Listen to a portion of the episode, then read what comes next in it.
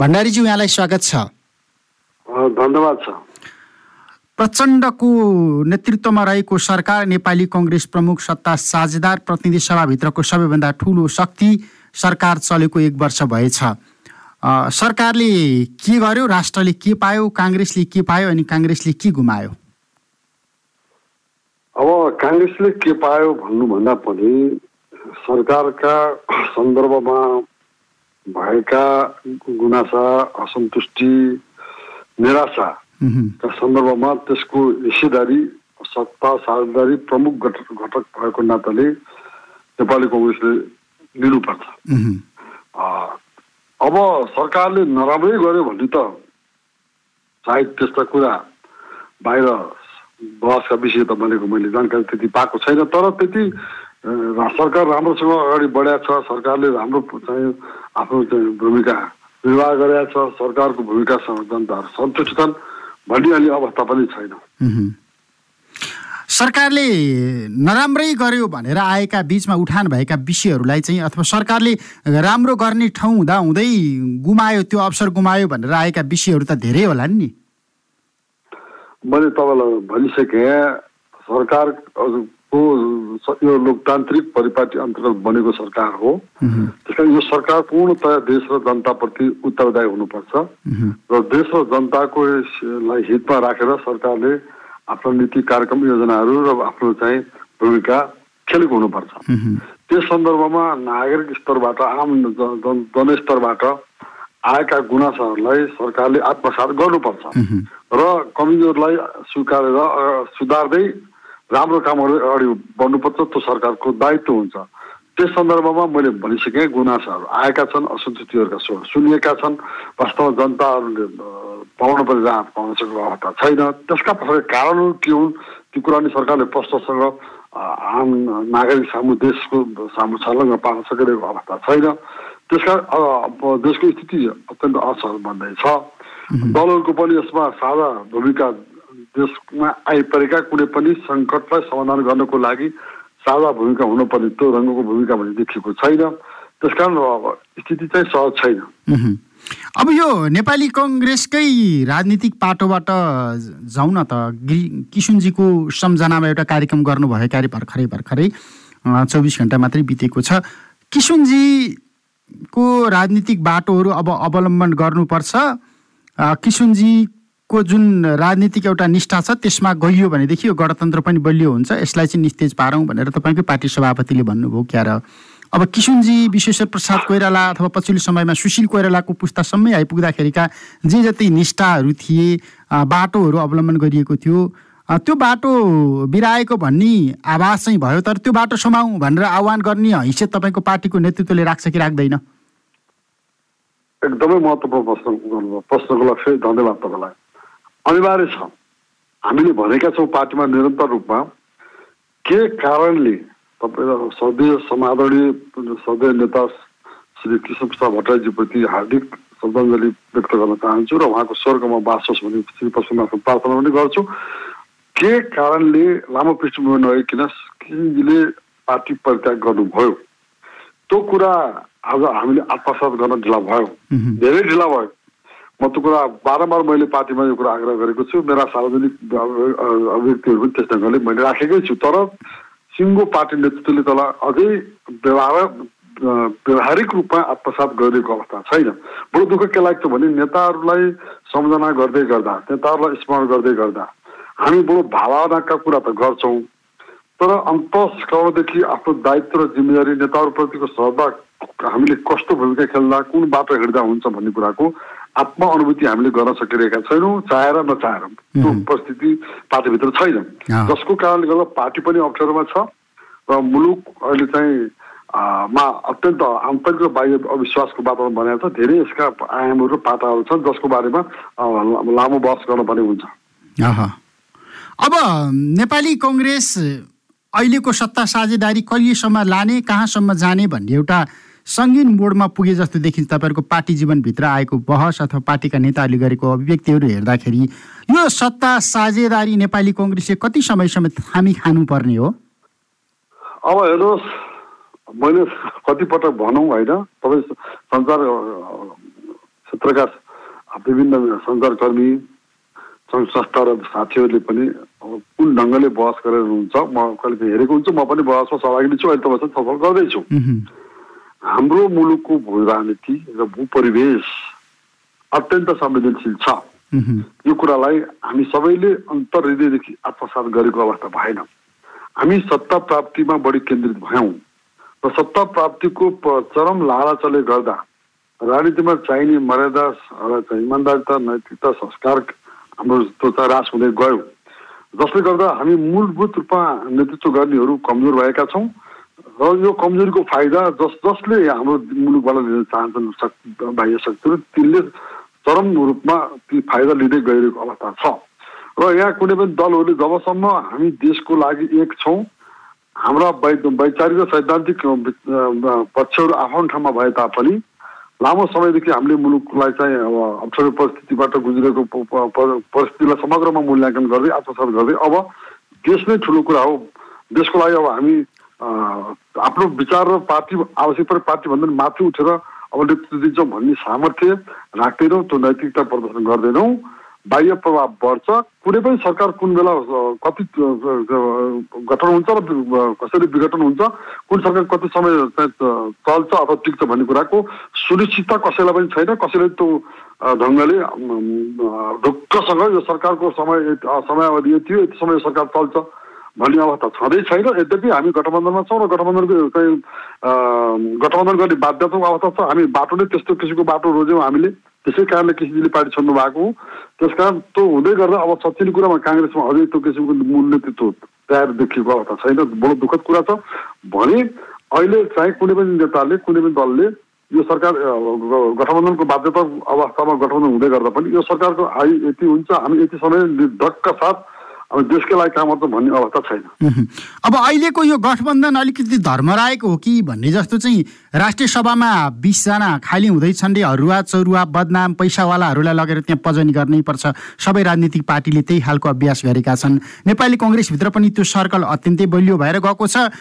त्यो बिसवटा सिटमा कतिवटा बाजी मार्ने भन्ने आधारमा चाहिँ अबको नयाँ गठबन्धन र नयाँ सत्ता साझेदारी बन्ने हो भन्ने पनि भनिएको छ। अब फेरि पनि नेपाली कङ्ग्रेसलाई सत्ता चाहियो नेपाली काङ्ग्रेसलाई त्यो राष्ट्रिय सभाभित्र कति हुन्छ धेरै सिट चाहियो धेरैवटा सिट बेच्नुपर्ने स्थिति होला। यो परिस्थितिबाट फेरि पनि त्यही बदनामीकै घेराबाट त्यही बदनामीको अभ्यास त गरिरहेका छौँ। मसँग जिज्ञासा राख्दै गर्दा प्रश्न गर्दै गर्दा बडो दुःखद ढङ्गले शब्दहरू प्रयोग गर्नुभयो। अब सिटहरू बेच्न पर्ने भन्नुभएको छ। अब त्यो कुरा शत प्रतिशत मैले अस्वीकार गर्न सक्ने अवस्था पनि छैन। मैले इमान्दार साथ भन्नुपर्छ योभन्दा विडम्बना के हुन्छ? त्यसका यो स्वाभाविक रूपमा गठबन्धनमा रहेका हामी गठ सत्ता घटक दलहरूले राष्ट्रिय सभाको निर्वाचनमा रिक्त सिटमा दलहरूको बिचमा सहमतिको आधारमा सिट बाँडफाँड गरी बिसैवटा सिट गठबन्धनको पक्षबाट पश्चिम उम्मेद्वारले चुनाव जित्नु एउटा पाटो भयो। तर तपाईँले जस्तो कतिवटा कतिवटालाई बेच्न पर्ने होला भन्ने कुरा बडो गम्भीर कुरा छ। यो यो प्रश्न कसरी उठिरहेको छ? तपाईँले यो प्रश्न जिज्ञासा राख्ने वातावरण किन बनिरहेको छ भन्ने कुरामा चाहिँ कम्तीमा काङ्ग्रेस पार्टीमा। अब हामीले गम्भीर रूपमा यो कुरालाई मनन गर्नुपर्छ। हामीले गल्ती गरेका रहेछौँ र हामीमाथि यस्तो प्रश्न यस्ता किसिमका प्रश्नहरू उठेका छन् जिज्ञासाहरू छन् र असन्तुष्टिहरू छन् भन्ने कुरालाई कङ्ग्रेसले चाहिँ आत्मसात गर्नुपर्छ र नेतृत्व र म त अब टिकट थाहा अब त्यो उम्मेद्वार चयन गर्ने स्थानमा छैन। मेरो आग्रह छ जोरदार आग्रह छ स्पष्ट आग्रह छ। नेतृत्वले यसमा ध्यान पुर्याओस् अब यो काङ्ग्रेसको मात्रै लागि शब्द प्रयोग गरिएन समग्र संसदीय राजनीतिक अभ्यासमा आएका पछिल्लो समयमा आएको क्रान्तिकारी पार्टी माओवादीको हकमा समेत यो लागू भइसकेको अवस्था भयो तर काङ्ग्रेससँग भएको हिसाबमा सरोकार तपाईँसँग बढी। अर्को शब्द चाहिँ मैले प्रयोग गरेँ हरुवा र चौरुवा अनि बदनाम। संविधान कानुनभन्दा बाहिर गएर चुनाव हारेका मान्छेलाई प्रतिनिधि सभामा चुनाव हारेका मान्छेलाई राष्ट्रिय सभामा लैजाने यो परिपाटीको विरोध गर्नु पर्दैन तपाईँहरूले। सुन्नुहोस् न सुन्नुहोस् न सुन्नुहोस्। तपाईँलाई मैले भर्खरै केही कुरा साङ्केतिक रूपमा भनेको थिएँ। मैले भने हाम्रो देशको राजनीतिमा अत्यन्त गहिरो बाह्य चासो बन्न थाल्यो।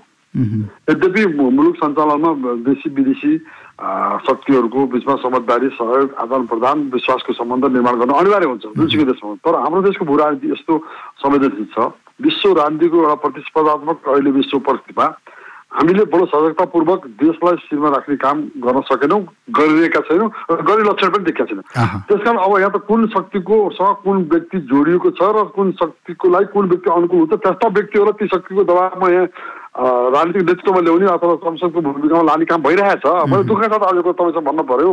योभन्दा बेला मलाई के हुन्छ म भगवान्को कृपाले हामी जस्ता मान्छे कसरी आज चाहिँ यो हामी पनि भूमिकामा त छौँ कसरी छौँ भन्ने कुरो म कहिले म आफैले आफैलाई प्रश्न गर्छु। आश्चर्य लाग्छ भगवान्को कृपा। यद्यपि देशका नेता साथीहरूको विश्वास हो जनताको विश्वास र सहयोग हो। तथापि जनताले त के थाहा भन्छ उम्मेद्वार भएपछि जनताले विश्वास गरेर मत दिने हो। पार्टीमा पनि पार्टीका धेरै साथीहरूले आफ्नो विवेक प्रयोग गर्न सक्यो तर मूलभूत रूपमा त यहाँ को व्यक्ति कसको अनुकूल व्यक्ति भन्ने किसिमले हेरिएको छ र बिना हैसियतका मान्छेलाई ठुलो ठाउँमा पुर्याइएको छ। हाम्रै पार्टीमा पनि देशको नेपालको राजनीतिमा समग्र रूपमा हेर्दा त देखिन्छ नि त। तपाईँ जे बोलिराख्नु भएको छ यही परिस्थिति राजनीतिमा रह्यो यही नेतृत्व राजनीतिमा रह्यो यही परिवेश नेपालको राष्ट्रिय राजनीतिका सन्दर्भमा रह्यो भने तपाईँ राजनीति सक्दै हुनुहुन्छ। अहिले राम्रो छ त मुलुकमा। आज हामी सर्वेसर्वा छौँ। यस्ता प्रकारको यति धेरै परिवर्तन हामीले गरेका छौँ। त्यो मुलुकमा राम्रो वातावरण छ त। यो कुरा अहिले मैले आत्मसात गर्नु पर्दैन। हामीले आत्मसात गर्नु पर्दैन। अब यो तपाईँको पार्टी सभापति चाहिँ गणतन्त्र जोखिममा पर्यो गणतन्त्र कमजोर भयो भनिराख्नु भएको छ। तपाईँ चाहिँ मसँग आएका सूचना सही हुनु भने चैतभन्दा पछाडि यो संविधानै खारेज हुनसक्छ भनिराख्नु भएको छ। अब यो गणतन्त्र चाहिँ सङ्कटमा परेको हो कि संविधान चाहिँ सङ्कटमा परे हो?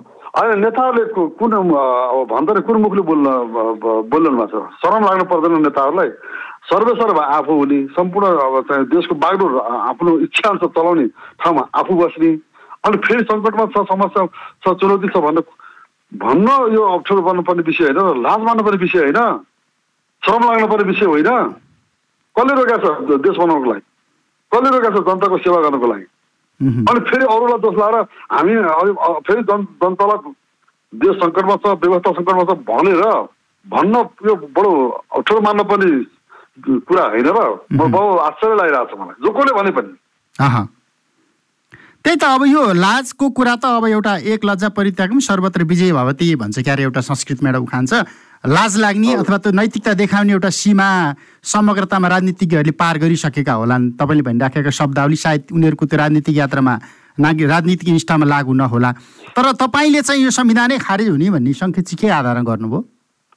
अहिले तपाईँले मलाई जुन त्यो ढङ्गले प्रश्न गरिरहनु भएको छ जुन भाष्य प्रयोग गरिरहनु भएको छ नि त्यही भन्नुभयो तपाईँले? हजुर। टिकट बेच्ने। नन्दी भृङ्गी। भन्नुभयो त? यो परिस्थिति के हो? त्यो मैले भने आम जनतालाई परेको मैले गलत मैले गलत प्रश्न गरेको भए सुन्नु सुन्नु सुन्नु सुन्नु कुरा। तपाईँले गलत प्रश्न गर्नु भनेकै छैन। म सच्याउन चाहन्छु यदि म गलत भएको भए म चाहन्छु। भर्खरै केही महिना पहिले पश्चिम नेपालमा भूकम्प भयो। हजारौँ हाम्रा दाजुभाइ दिदीबहिनीहरू अहिले पनि ओत लाउनु नपाएर कतिपय चिसोले कठा कति ज्यान गुमाइरहेको पैँतिसजना त मरे। पैँतिसजना त मरे सत्तालाई सामान्य लागेको छ। अनि राज्य राज्य कहाँ छ? देश कहाँ छ? नेता कहाँ छन्? गएर एउटै पार्टीका कार्यकर्ता पठाएर एउटा चाहिँ टिनमा घन ठोकेर फेसबुकमा हालेर प्रचार गरेर पार्टीको दायित्व त्यही हो। अनि राज्य कहाँ छ? राज्यसँग सामर्थ्य छैन नि आफ्नो जनताको रक्षाको लागि सुरक्षाको लागि जनताको बचाउको लागि अन्तर्राष्ट्रिय रूपमा अब यसो भिक त मागेकै छ त हरेक क्षेत्रमा। होइन? भिक मागेको ठाउँमा कमिसन खाएका हामीमाथि आरोप छन्। ती जनताको रक्षा गर्नु पर्दैन। एउटा उदाहरण दिएको अब महँगीको महँगीको कुरा गर्नुहोस्। जनजीव जनताका जनजीवनसँग अब सम्बन्धित यावत विषयहरू प्रशासनिक क्षेत्रबाट पाउने सेवा सुविधा लगायतका विषयहरू ती क्षेत्रमा हेर्नुहोस्। अब आम तहका नागरिकप्रतिको चाहिँ बडो वितृष्णा र देशप्रतिको मोहभङ्ग अवस्थालाई हेर्नुहोस्। बाह्य क्षेत्रको बढ्दो चरको प्रभाव र दबावलाई आत्मसात गर्नुहोस्। यी सबै पक्षलाई रिजमिङ गरेर यहाँ केही विषयहरू परिवर्तन गर्न आवश्यक छ। यो संविधान सम्झौताको दस्तावेजको रूपमा जारी गरेको अवस्था हो। कतिपय विषयहरूमा हामी अत्यन्त गम्भीर असहमति राख्दै गर्दा पनि संविधान जारी गर्ने मूल विषय हो। अहिले सम्झौता गर्नै परेको छ। त्यस कारण हामी सम्झौता गरेर भए संविधान जारी गरौँ भन्ने हाम्रो नेतृत्वले हामीलाई सम्झाएको बुझाएको आग्रह गरेको अवस्थामा हामी हामीले त्यो कुरा आत्मसात गरेको अवस्था हो। केही विषयलाई जो देशको विरुद्धमा गम्भीर रूपमा षड्यन्त्र भएको छ देशको सनातन धर्म संस्कार संस्कृतिलाई समाजवादी पार्टी देशको मूल इतिहासलाई नष्ट गर्ने र नेपालीहरूलाई सधैँ सदियोदेखि एकातलाई तोड्ने मिलेको भूगोललाई फुटाउने टुटाउने जुन गम्भीर षड्यन्त्र यो संविधानलाई टेकेर भइरहेको छ यी कुरालाई सच्याउनुपर्छ त्यस कारण संविधान संशोधन हुनुपर्छ। भएर भने यो संविधान संविधान अपर अपरिवर्तनीय होइन त्यतिखेर पनि सबैले भने हो अर्को विकल्प हुन्छ विकल्प भनेको यो संविधान खाली हुन सक्छ भन्ने अर्थमा मैले भने। अब यो सनातन धर्म संस्कृतिका कुरा गरिहाल्नुभयो भर्खरै भर्खरै हाम्रो संस्कृति संरक्षणको नेतृत्व गरेको मन्त्रालयको नेतृत्व गरिराखेका मन्त्रीको एउटा अभिव्यक्ति पनि आएको छ। तपाईँ मान्नुहुन्छ कि मान्नुहुन्न तपाईँ उपेक्षा गर्नुहुन्छ कि गर्नुहुन्न म चाहिँ हिन्दू धर्म मान्छु म इसाई धर्म मान्दिनँ। सायद मन्त्रीकै भनाइ मानियो भने जेल जानुपर्ने अवस्था छ हतकडी लाग्नुपर्ने अवस्था छ। नेपाली कङ्ग्रेस सत्ता साझेदार हो बोल्नु न तपाईँहरू यो विषयमा। मन्त्री एउटा देशको राज्य सञ्चालन सरकारको मन्त्री जस्तो मान्छेले कुन स्तरको भाषा बोल्ने भन्ने कुरा एउटा त्यो कुरा अत्यन्त महत्त्वपूर्ण कुरा हो। अहिले अहिलेका संस्कृति पर्यटन मन्त्रीजीले दिएको अभिव्यक्ति आपत्तिजनक छ गैर जिम्मेवार छ र मुलुकको बिल्कुल हाम्रो चाहिँ मुलुकको परिवेशको विरुद्धमा छ। हामीले आग्रह गरेको उहाँले राजीनामा दिनुहोस्। हामीले आग्रह गर्ने नेताहरूलाई उहाँलाई मन्त्रीबाट बर्खास्त गर्नुहोस्। तर किन यो कुरा भइरहेछ भन्दा तपाईँलाई मैले भनिसकेको छु मेरो मेरो तपाईँलाई दिएका मैले उत्तरका जो भाव र त्यसका गम्भीरतालाई तपाईँले राम्रोसँग केलाउनु भने थाहा हुन्छ। यो अब अहिले सुनिँदैछ आराध्यव श्री पशुपतिनाथ अ, मन्दिरको पशुपति विकास कोषमा पनि अत्यन्त सनातन धर्म विरोधी व्यक्तिलाई नियुक्ति गरियो भन्ने समाचारहरू आइरहेका छन् त्यो यसको अनुसन्धान हामी गर्दैछौँ। त्यस कारण यो बडो प्रायोजित रूपमा सुनियोजित रूपमा एउटा निश्चित योजना अनुसार यो मुलुकमा षड्यन्त्र भइरहेछ। र सत्ता प्राप्तिको मूल चरित्र बोकेको राजनीतिक व्यक्तिलाई र चाहिँ त्यो चरित्रलाई बढी चाहिँ मूल भूमिकामा ल्याएर आज देशमा सङ्कटको स्थिति उत्पन्न गरिरहेको छ। हामीले भनेका छौँ धर्म सबैको सम्मानित विषय हो। सबै धर्मप्रति सम्मान हुन्छ। अहिले आज क्रिसमस छ सबै क्रिस इसाई धर्मावलम्बीप्रति हाम्रो शुभकामना छ। नागरिकले आफ्नो धर्म आफ्नो इच्छा अनुसार अवलम्बन गर्न पाउँछ। तर अन्य देश जसरी आज अमेरिका जस्तो देश एउटा धर्म विशेषको रूपमा ऊ स्थापित छ। बेलायतको त्यो अवस्था छ। अझ बेलायतको निरपेक्ष पनि छैन त्यहाँ। निरपेक्ष भने त वास्तव धर्मै नमान्ने भन्ने विषय पनि हो। नेपालको मूल विश्वको एकमात्र वैदिक सनातन धर्म भएको देश नेपाल हो। बुद्ध जन्मेको देश हो किराँत धर्म भएको देश हो जैन धर्म भएको देश हो सबोन धर्म भएको देश हो यस्तो ठुलो महत्त्व भएको देशलाई आज यो यो यो कुरालाई हामीले नेपालीले आत्मसात गरेर जसरी इजरायलीहरू यहुदीको रूपमा सङ्गठित भए यहुदी धर्मको त्यसरी हामी सङ्गठित हुन सकेका भए आज विश्वको शक्तिशाली मुलुक हामी बन्थ्यौँ विश्वको शिर हामी बन्थ्यौँ त्यो कुरालाई आज समाप्त पार्न जसरी विदेशीहरू लागे हामीहरू सत्ता प्राप्तिमा चुर्लुममा डुब्यौँ। हामीसँग नैतिकता पनि हरायो जिम्मेवारी बोध पनि हरायो देश प्रेम पनि हरायो जनताको प्रति जवाबदेही पनि हरायो र आज देश सङ्कटमा छ जनताले दुःख पायो यो सन्दर्भमा नेपाली कङ्ग्रेसको आधिकारिक भोइस चाहिँ किन नआएको? बोल्न नसक्या हो। कि बोल्न दिएन नेपाली कङ्ग्रेसलाई? फेरि पनि म मेरो उत्तर र अझै तपाईँ आफैले बुझ्नु भएन। मैले यत्रो कुरा भनिसकेपछि हाम्रो पार्टीमा पनि कुन ढङ्गले चाहिँ कृष्णजीले पार्टी छोड्नु पर्ने स्थिति आयो गणेशमानजीले पार्टी छोड्नु पर्ने स्थिति आयो तिस तिस वर्षको पञ्चायत फालेको पार्टीको दुई वर्षभित्र पार्टीमा ठुलो विग्रह किन आयो? पार्टीमा चौहत्तर छत्तिसको बाटोमा किन आयो? कृष्णजीलाई किन अन्तर्गत गर्नुपर्ने परिस्थिति आयो? यी सबै कुरालाई हेर्नुहोस् न मूल्याङ्कन गर्नुहोस् न भन्छु म पार्टीको नेता साथीहरूलाई। बुझेँ। तर के छ- तपाईँको- तर सुन्नु सुन्नु सुन्नु न, म दुःख साथ भन्छु म मेरा आदरणीय नेताहरू साथीहरूलाई म आग्रह गर्न चाहन्छु। हामीलाई के सत्ता सत्ताकै मात्रै अब अब भोगले हामीलाई अब हामी ग्रसित छौँ। सत्ता प्राप्ति नै हामीलाई ठुलो कुरा हो त। कि हाम्रो हिजोका पुर्खाले सत्ता पाएका थिए? सत्ताको कुनै सपना पनि देखेका थिएनन्। परिवर्तन चाहेका थिए जनताको अधिकार चाहेका थिए देशको स्वाभिमान चाहे सुरक्षा राख्न खोजेका थिए त्यस अर्थमा हाम्रो पुर्खा लडेका थिए। अहिलेका पुस्ता न सङ्घर्ष गर्नु परेको छ न कुनै जेल अब जेल भोग जीवन भोग्नु परेको छ कुनै छैन। सत्ता प्राप्तिको सुख प्राप्तिको राजनीति गरेर अनि यो यो त्याग समर्पणको भाव पनि हरायो। जसरी चाहिएको छ चाहिनेलाई जस जसले दिन सक्छ त्यसको पछि लाग्नु परेको छ भन्ने मनोवृत्तिले ग्रसित ग्रसित हुने अवस्था आयो जसले गर्दा सही कुरा सही वास्तव यथार्थ कुरा बहस गरी पनि परिस्थिति पार्टीमा बनिरहेको छैन त्यो ढङ्गले अगाडि बढ्ने अवस्था सिर्जना भइरहेको छ। त्यही त मैले त्यो त बुझेँ कि तर प्रधानमन्त्री मलाई चाहियो संसदीय दलको म नेता म हुन्छु पार्टीको नेताले नैतिक रूपमा जिम्मेवारी लिएर राजीनामा गर्नु पर्यो भनेर वक्तव्यबाजी गर्ने एउटा तबका एउटा पुस्ता त नेपाली काङ्ग्रेसमा थियो नि। त्यो पुस्ता पनि किन बोलेन भन्ने हिसाबबाट मात्रै सोधेँ मैले। सिङ्गो पार्टीको आवाज त आएन आएन। पार्टीमा लोक यो हाम्रो जे भयो नि लोकतान्त्रिक पार्टी।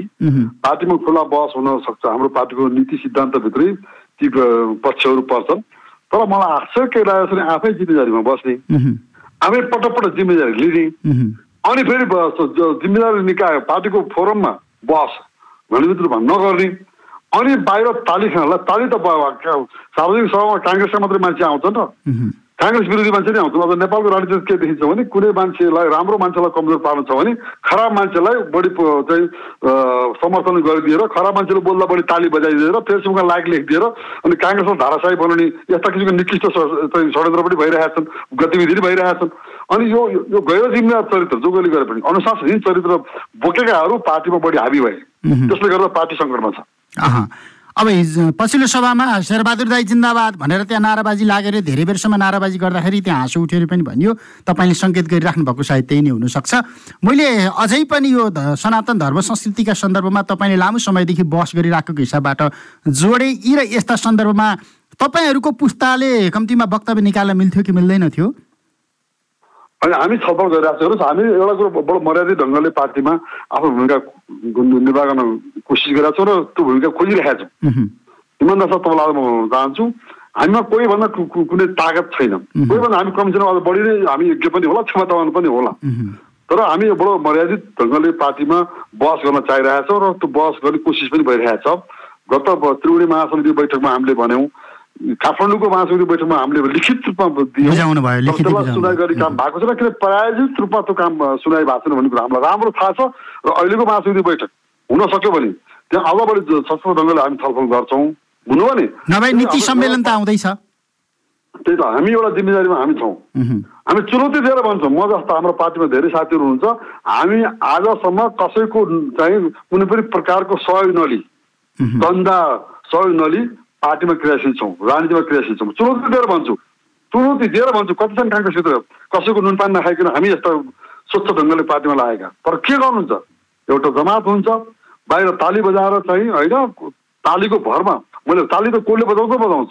मासमा ताली पनि बजाउने मान्छे मासमा हुन्छन् मासमा हुन्छन् राजनीतिमा त हुन्छ नि। खोया हान्ने मान्छे नि मासमा हुन्छन् खोया हान्ने मान्छेलाई हामी थुन्छौँ अनि खोयालाई पूजा गर्छौँ भन्छौँ कस्तो प्रवृत्ति छ नेपाली राजनीतिमा भन्नुहोस् त अहँ। खोयालाई पूजा गर्ने हो भने त्यो खोया हान्ने मान्छेलाई पहिले पूजा गर्नु पर्यो नि। उसको असन्तुष्टि। अब यो यस्तो नौटङ्की यस्तो भ्रम चल्छ नेपाल अब यो राजनीतिक नौटङ्कीको बिचमा गठबन्धन सरकार चलाएको एक वर्ष भएको छ अब अहिले पछिल्लो समयमा उपेन्द्र यादवलाई पनि प्रधानमन्त्री चाहिएको छ माधव नेपाललाई पनि चाहिएको छ शेरबहादुर दाईलाई पनि प्रधानमन्त्री नै चाहिएको छ काङ्ग्रेसको अर्को पुस्तालाई पनि प्रधानमन्त्री चाहिएको छ देशैभरि नेताहरूमाथि मुक्का र खोया प्रहार हुन थाले भैर तपाईँलाई झापाका दृश्यहरू हेर्दाखेरि गर्नु परेन खेल्नु म तपाईँलाई प्रश्न भनिदिउँ मेरो राजनीति जेसुकै होस्। म रहँ नरहँ मलाई कुनै चिन्ता छैन। दे- मेरो देश रहोस् त्यो मेरो चिन्ता हो। मेरो नेपाली दाजुभाइ दिदीबहिनीहरूको सिट नझुकोस् त्यो मेरो पीडाका साथ मेरो चिन्ता हो। कुन शक्तिलाई को मान्छे प्रधानमन्त्री चाहिएको छ त्यो भरमा खेल्नुहुन्छ यहाँ। शक्ति केन्द्रको कुन मान्छे प्रधानमन्त्री चाहिएको छ त्यो अनुसार खेल हुन्छ त्यही अनुसार हुन्छ यहाँ। अनि यो कुरा बहस गरिरहनु भएको छ। अनि यो भैर अभार झापातिर देखिराखेको राजा पूर्व राजा ज्ञानेन्द्र शाहप्रतिको आकर्षणलाई चाहिँ के भन्ने? त्यो नि शक्ति केन्द्रकै चलखेल हो राजा पनि त एउटा शक्ति रहेछ त मान्छे लगाइरहेको छ पछि पछि। राजा त राजै भयो नेपालकै राजा भयो पूर्व राजा। होइन? ऊ त अरूको अरूको अरूको राजा त होइन नि। नेपालकै राजा हो। अब ऊ नेपालको पूर्व राजाप्रति मान्छे जनता पछि लागेका छन्। तिनलाई मान्छे होइन जनतै होइनन् भन्न त म सक्दिनँ नि। नेतृत्वले त त्यही भन्यो नि फ्याउराहरू। गणतन्त्र विरोधी फ्याउराहरू। म त प्रयोग शब्द मेरो पछाडि लाइन चाहिँ महान मान्छे अब मलाई मन नपर्ने मान्छे पछि लाइन चाहिँ ठाउरा त्यो शब्द शङ्कर भनेर प्रयोग गर्न सक्दैन। अन्त्यमा तपाईँले अहिले देखिराखेको बुझिराखेको राजनीतिक घटनाक्रम हेर्दाखेरि हाम्रो यो अहिले भोग चलन गरिराखेको संविधानको आयु के देख्नुहुन्छ? तपाईँले मलाई अहिले सोधिसक्नु भएको छैन। समग्र घटनालाई केन्द्रमा राखेर गरौँ न। मैले सुन्नुहोस् मैले के म भन्नु सुन्नुहोस् न। म अस- म त काङ्ग्रेसहरू मेरो नेताहरूसँग मेरो आग्रह छ। एउटा पार्टीको जो नेता दुःख पाएका छन् पीडा बसेमा बसेका छन् पार्टी नेतृत्वले चिन्दैन मूल्याङ्कन त गाउँ गाउँ तैपनि काङ्ग्रेस भन्दा परिवार आफ्नो सुख स- शैल हेरेनन् छोराछोरीको भविष्य हेरेनन्। ती नेताहरूप्रति सम्मानका साथ श्रद्धा गर्दै नेताहरूलाई मेरो विनित आग्रह छ। काङ्ग्रेसलाई काङ्ग्रेस जस्तो बनाउने बाटोमा लागौँ। किनभने काङ्ग्रेसमा त ठुलो षड्यन्त्र भयो। काङ्ग्रेसको मूल नेतृत्व फस्दै गयो। स्वार्थको लागि होस् दबावको कारणले अब देशमा म कुरा गर्न चाहन्न भनि पनि सकेको छु। अब अहिले देश जोगाउने बेला छ। सत्तालिस सालमा बनाएको त्यति सुन्दर सब संविधान नियोजित रूपमा फाल्ने काम भयो। विदेशीकै कारणले फालियो।